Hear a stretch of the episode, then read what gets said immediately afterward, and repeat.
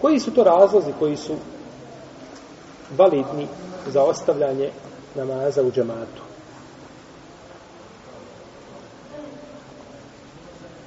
Ti razlozi mogu biti općeniti i posebni. Znači da se tiču općenito ljudi ili da se tiču jedne osobe zasebno. Što se tiče općeniti razloga, to je prvo autor spominje kišu i blato veliko. Pri kome bi čovjeku bilo znatno otežana, otežana odlazak u džamiju. I kaže, navodi kao argument hadis Ibn Omara, da je jedne prilike poslanik sa osrame naredio mu jezinu da kaže kada je bilo veliko, veliko je velika je hladnoća bilo i, i kiša rekao je klanjajte u sadlu fi rihal fi rihal to je mjesto gdje ste odcijeli i autor je spomenuo ovu predaju ovako od Buharije pod brojem 666 666 je predaja ovako. Klanjajte u mjestima gdje ste odcijeli tu je stao no, međutim u Buhari na drugom mjestu pod brojem 632 prije toga znači neki 30 i nešto hadisa se kaže da je to bilo fisefa da je to bilo na putu. I došla je druga predaja od Džabira u kojoj se kaže da je poslanik sallallahu sallam bio na putu pa je rekao kaže Džabir padala je kiša pa je rekao ko od vas želi neka klanja u mjestu gdje je odsjeo to jest u svome šatoru gdje se nalazi Pa vidimo će da ne puste remont.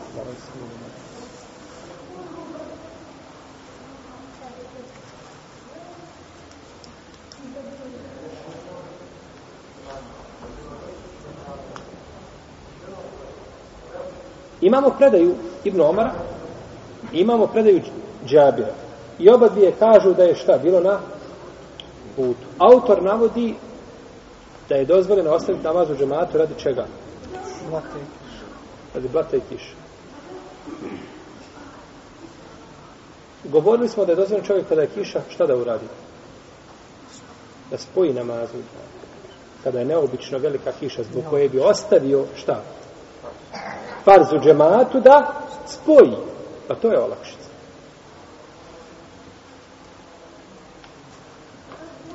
Mi smo govorili da je olakšica, da je dozvoljeno da se spoje namazi kada je velika neobično jaka kiša, nevrijeme i tako dalje. I drugi razlaz koji liče tome, kao jak vjetar. A je li velika žega, neobično velika žega, razlog da se spoji? To je, vikali smo razlog da se odgodi. Ha? Da se odgodi namaz. Pa da se odgađa namaz. Tada se ne spaja. Kada je velika žega, tada se šta? Odgodi se namaz prema ikindi, da malo popusti. Jer nije isto u jedan i u dva sahata i u pet sati se razlikuje šta? Temperatura.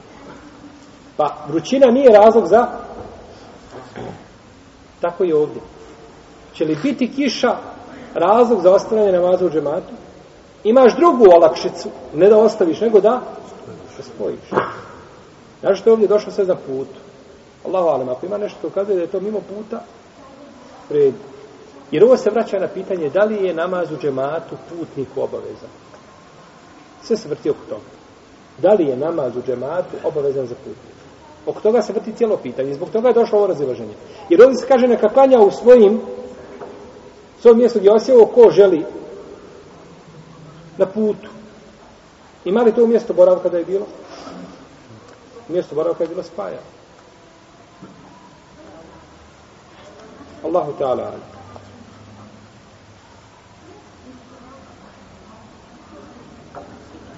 Kaže dalje autor, međutim, ako iziđe u džamiju, to je bolje, bez sumnje i kakve. Zbog hadisa Ebu Sedel Hudija radi Allah, Anu kaže, bili smo jedne prilike, pala je obilna kiša,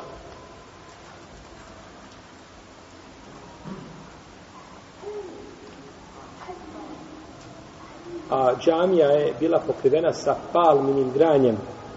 Pa je kiša padala toliko da je natopila zemlju, kaže, pa je poslanik sa osaname činio seždu a, na, na vodu i na blatu.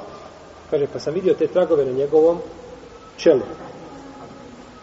Pa se navodi, znači ovdje da je poslanik sa sve šta došao i klanja u džematu, iako je padala kiša. Iako je padala kiša. Tako, Allah najbolje zna da ovi argumenti nisu baš najpreciznije ovdje. Allah vam.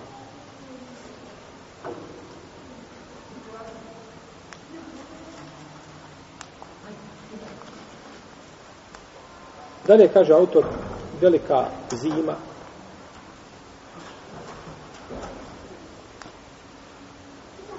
I tu je došao dokaz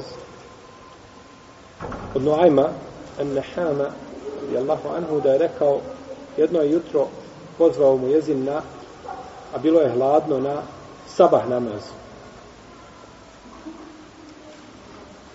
Kaže, pa sam rekao, kamo sreće da mu jezin hoće kazati, a ko ostane u kući ne smeta.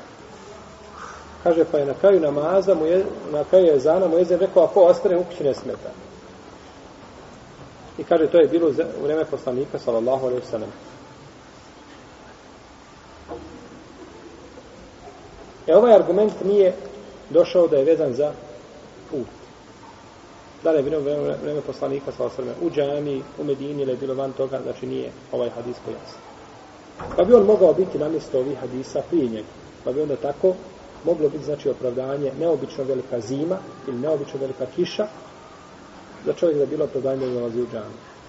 No međutim, ona prva opcija bez ikakve sumnje šta? Bolja. I ulema ovome isto uh, priključuje veliku tamu kada čovjek ne vidi kuda hoda i otežan mu put bio do džamije i slično tome. Kaže imame Neovi u svome djelu Mežmua kada čovjek ima nekakvo opravdanje da ide u džamiju, to ne znači nikako da je dobio nagradu džemata. Nego znači da je šta? Da je sačuvan kazne i grijeha, a nije dobio nagradu. Ti, na primjer, nisi otišao u džamiju radi određenog razloga. To ne znači sada što nisi, od... iako imaš razlog da ne ideš, to ne znači da imaš nagradu čega? Džemat. Jer ti si mogao otići po velikoj kiši, po velikom snijegu, tako je, po velikoj hladnoći. Mogao si otići otežano, pa imaćeš veću nagradu, je tako? Ali ne možeš sjetiti kod kuće da imaš istu nagradu džemata. Nego sačuvan čega? Sačuvan si kazne, ovaj, da učiniš, znači da budeš griješan, ako bi kazali da namaz u džematu važi, po čemu smo govorili u prošlom predavanju.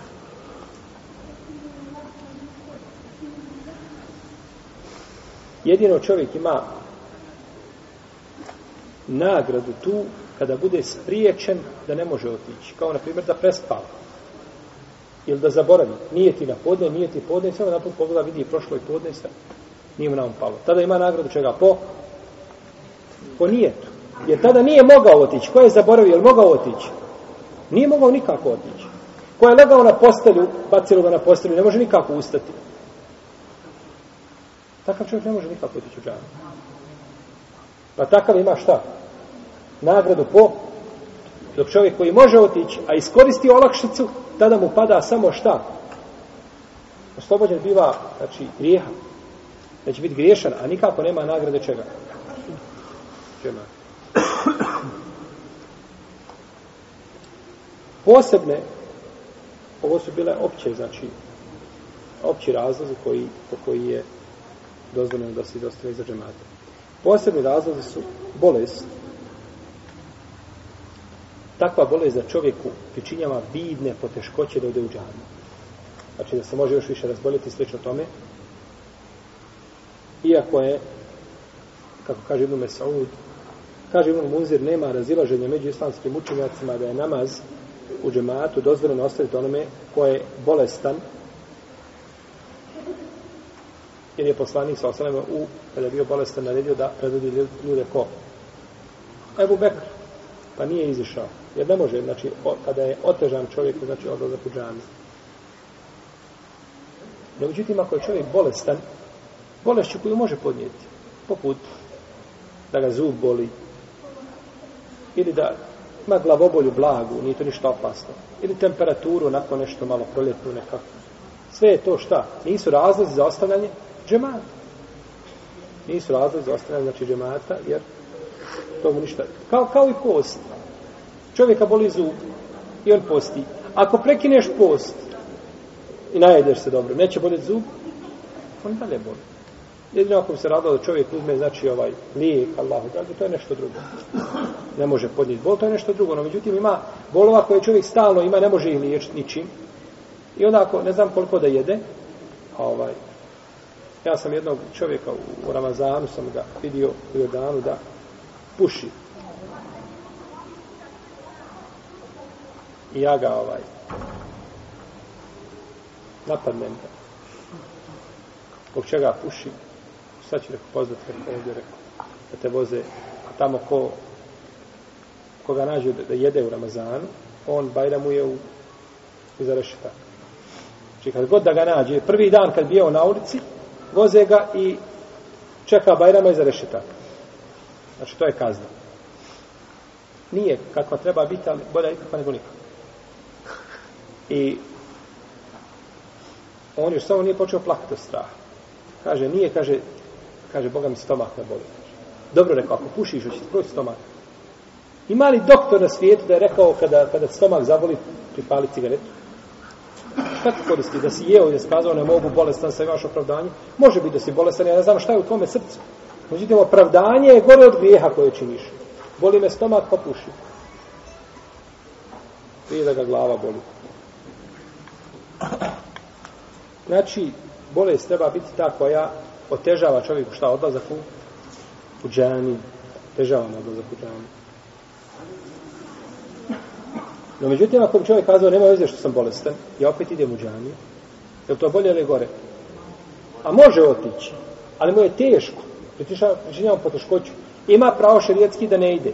A ako ode, je to bolje ili gore? Bolje. Bolje je da ode. Bolje je da ode, kaže Ibn Saud, u naše vrijeme nije kasnio iza nije ovaj, izostao iza namaza u džematu, osim munafik koji je bio kazan po svome nefaku. I kaže čovjek koji je bio bolestan, hodao bi između dvojice. Dvojica ga nose i dok ga ne postaje u sam. Da je to bila uputa sahaba poslanika sallallahu Isto tako, strah da čovjek se boji nepravednog vladara koji vlada ili njegove svite vojske. Ili da se boji razbojnika. Kao što danas sigurno jedan dio bošnjaka ima pravo možda da ne dolazi u džamiju. Jer toliko se razbojnika pojavilo da na, na, na miru čovjek ne smije na ulicu izaći. Pa ako neko ostavi namaz u džamatu pokušajte mu nađi pravdanje da je to možda zbog onoga što se dešava u ovome našem jadu u kome živimo. Da insan ne smije svoje dijete na miru poslati da mu hljeb kupi iz trgovine, ne kažemo da hoda negdje po gradu, jer uvijek postoji mogućnost da će ga neko izbušiti i da će ti ga vratiti u da će ti javica košava do zna da ti je dijete tako i tako završilo. A oni koji trebaju rješavati probleme, njima je lijepo. Oni sjede i uživaju. A obični svijet trpi. To su ti vladari koji žive u svakom vremenu, u svakom prostoru i koji tlače ljude, a ugađaju sami sebe. Čovjek koji se boji divljači kada iziđe, isto tako, dozvoljeno je znači da izostane iza džemata. Iako po ovim svim pitanjima Olema ima a, pojedinosti o koji se razilaze, no međutim ovo je u globalu. Jel? Prenosi se Ibn Abbas, da je poslanik sa osrema rekao, ko čuje ezan, pa se ne odazove bez šerijetski opravdanog razloga, nema namaza. Pa je upitan šta je razlog, kaže, to je strah ili bolest. No, međutim, ovo nije od poslanika sa osrema, nego se kazao se da je to Ibn Abbas, isto riječ Ibn Abbas. Dalje, od razloga pojedinačnih, koji se tiču ostavljanja namaza u džematu, jeste da se postavi jelo prije namaza. Da se postavi jelo prije namaza. Kaže Nafija, rekao Ibn Omar, kaže poslanik sallallahu alaihi wa sallam, kada se postavi večera i prouči se i kamet, počnite sa večerom i nemojte požurivati dok ne završi. Subhanallah. Postavljena večera i kad bi požurio, možda ćeš stići. No, međutim, jedi normalno kao što jedeš. Jer brzo jelo je nežvakanje hrane. I to opet šteti čovjek. Znači, šarijat nije naštetio ničim. Šarijat samo koristi čovjek. Svaki propis u šarijatu je korist za čovjeka. Samo ako čovjek želi da ga svati kao korist. Pa kada se postavi večera, ne ciljano da bi se izbjegao šta? Džema. Ti Hanumi kažeš, gledaš u 7 sati je jacija, kažeš 5 do 7 neka bude večera na stolu. To je šta? To je ciljano. To je prevara. No, međutim, Hanima, Hanuma nije pazda, niti nisi gledao, nego tako se postavijalo. Ili da je čovjek gladan i kaže postavijalo, misli da će završiti, pa ne završi, nastavi, ne smije. Međutim, ciljano ne smije šta? Ciljano ne smije, znači kao čovjek koji jede a, luk, bijelice, do čega ćemo doći.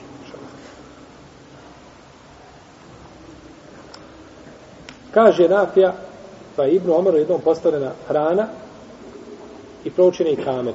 Kaže, pa je nastavio jest, a čuo, e, čuo je učenje imama. Jede i čuje učenje mama i šta ne, odaziva se. Znači, mi kada bi sudili po emocijama, kazali, odeš klanjaš i vratiš se jedeš. Ne, u šarijetu nije znači emocije, nego su argumenti. Pa, ako je tako činio Ibn Omar, on je sigurno prenosio ovaj hadis i on ga je najbolje razumio od poslanika sa Većina uleme kažu, počnite sa jelom. Ova naredba da je šta? Dobrovoljno, da nije obavezno. Što znači, kada bi čovjek otišao, da klanja ne bi bio griješan. Razumije? Poslanik sa osvrame rekao, počnite sa jelom ili sa namazom? Sa jelom. Dobro, ako bi neko počeo sa namazom, je li griješan zbog toga što je uradio suprotno naredbi poslanika sa osvrame? Bio bi griješan kada bismo kazali da je naredba kategoričnog znači karaktera koja poloči za sobom neminovnu obavezu, moraš joj izvršiti. Ali većina ovdje u Leme kaže da je to šta? Da je to sunnet. No međutim ovdje je došla naredba. Da bismo kazali da je ta naredba za dobro ume moramo imati šta? Argument. Moramo imati argument. Ovo je stav. Jedino što kažu šafije da a, ako, ako je zaista gladan toliko u protivnom će otići znači da klanja.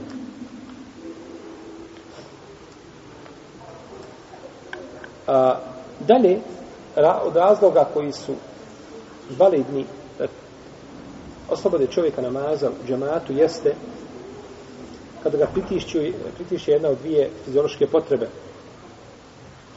kaže poslanik sallallahu alejhi la salate bi hadrati ta'am wala wa huwa yudafi'uhu al-akhbathani. Nema namaza kada je u kada je postavljena hrana niti kada čovjeka pritišće jedna od dvije fiziološke potrebe. Kaže Abdullah ibn Larkam izišao sam na hađ ili na umru prenosi riva, ravija da je Abdullah ibn Arkam izašao ili na hađu ili na umru i sa njim su bili ljudi, a on ih je predvodio. Pa kaže, jednoga dana je proučen i kame za sabah namaz, pa je rekao, neka jedan od vas predvodi, kaže, ja sam čuo poslanika, salava sveme, da kada se prouči i kame, ta neko ima potrebu za fiziološkom potrebom, neka kaže, počne sa potrebom pa je otišao, a drugi su klanjali.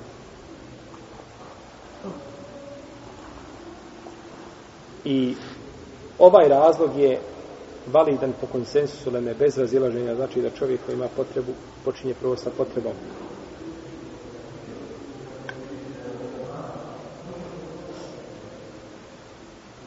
Iz jednostavnog razloga znači što će popustiti čovjek koncentracija i iskušenost u namazu. Dalje, od razloga koji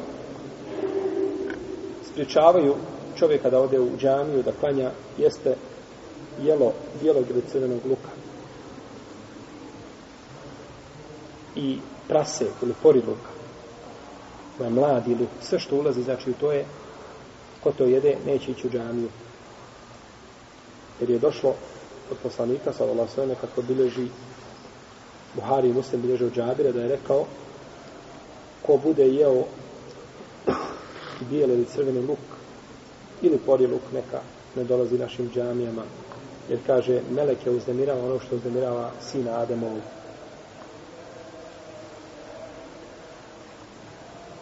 I ovo je svakako ciljane, ovima, ovim je ciljan onaj koji jede ove, znači, koji jede luk koji je prijesan, a ne kuhan. Jer je došao od Omera ibn Khattaba, radi Allah, kako bilježi imam muslim i drugi, da jedne prilike na Mimberu rekao ko bude jeo sa ova dva ružna drveta, misli se na bijeli na crveni luk,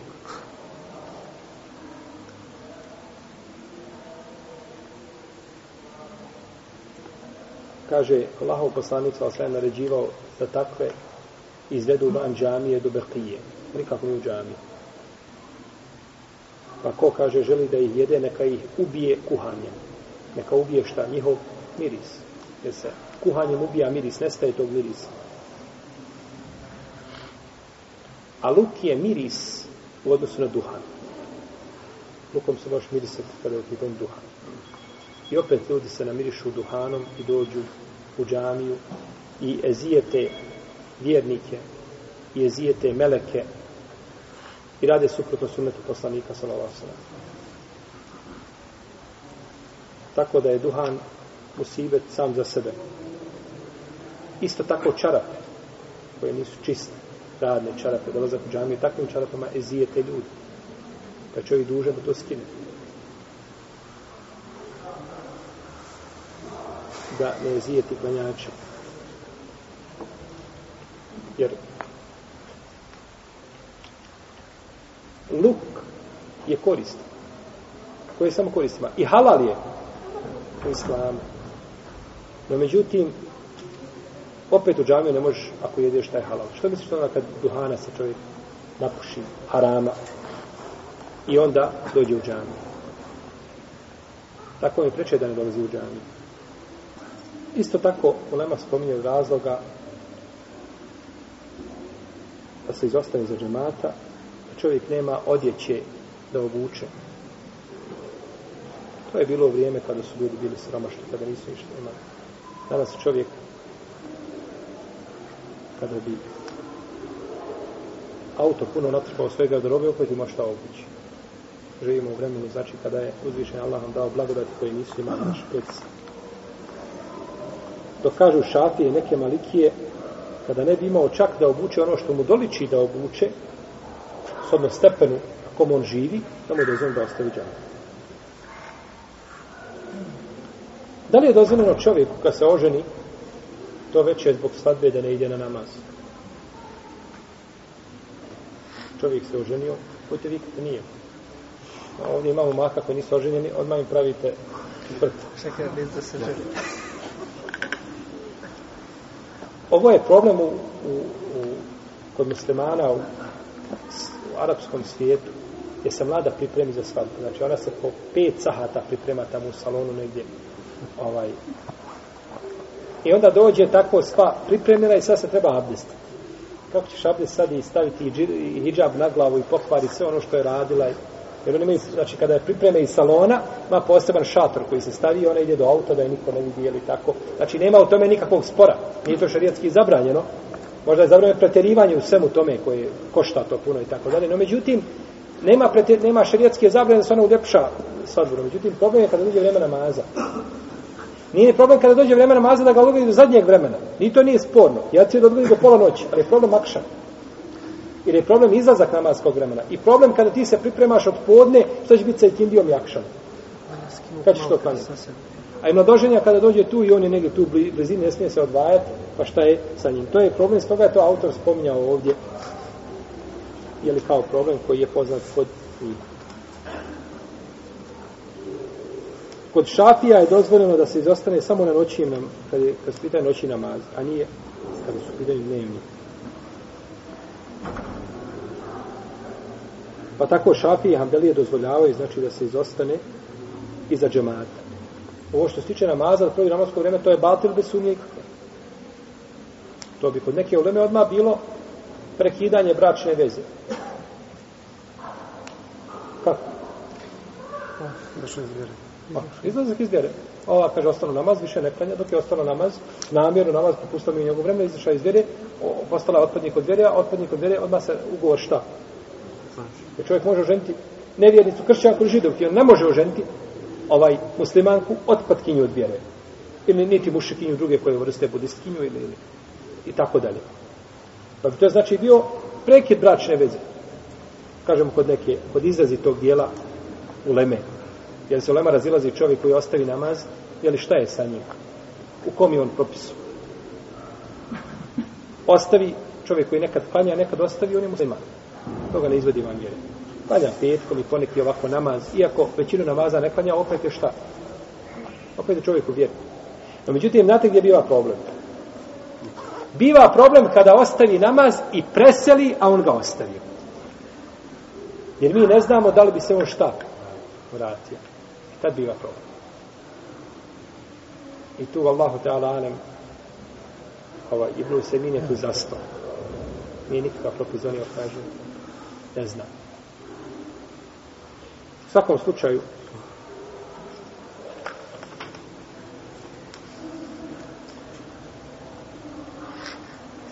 ovaj propis je došao uzete iz hadisa u kome se kaže iz vjerodostojnog hadisa koga bliže Buhari i Muslim da je poslanik sa osam rekao ili prenosi se da, da je rečeno od sunneta je kada se čovjek oženi sa djevicom da kod nje boravi sedam dana a kada se oženi sa ženom koja je koja je prethodila bračna veza koja nije djevica da kod nje boravi tri dana i kaže kažu znači boravi kod nje koliko? sedam dana, znači ne izlazi nikuda, kod nje boravi No, međutim, ovo razminje, ovo, ovo shvatanje hadisa nije ispravno. Jer ovdje se govori kada čovjek oženi djevicu, a ima ženu kući. To mu je druga žena. Pa kada oženi djevicu, tada provodi kod nje koliko? Sedam dana, potom svakoj daje po danu. A ako oženiš ženu koja je prethodila bračna veza, nije djevica, nije nevina bila, znači bila je u bračnoj vezi prethodila bračna veza, onda boliš kod nje tri dana i opet dijeliš šta? Dan? Dan. Pa je ciljano to, nikako nije ciljano džamije, ostane džamije, namaz u džamat. Kako je to veze ima s tim? To je boravak, znači gdje? Kod žena, znači kući. I ovdje boravak me bit, misli se na boravak, šta? Po noći. Misli se boravak sedam dana da ne izlazi iz, iz kuće, nego boravak je po noći. Čovjek ima tri žene. I boravi kod jedne i druge i treće. Duže je da boravi samo po noći. Po danu može izaći otići raditi, rizik sticati, kretati se i samo da dođe da proboravi noć. To je me bit. To je boravak po noći, a nije po danu.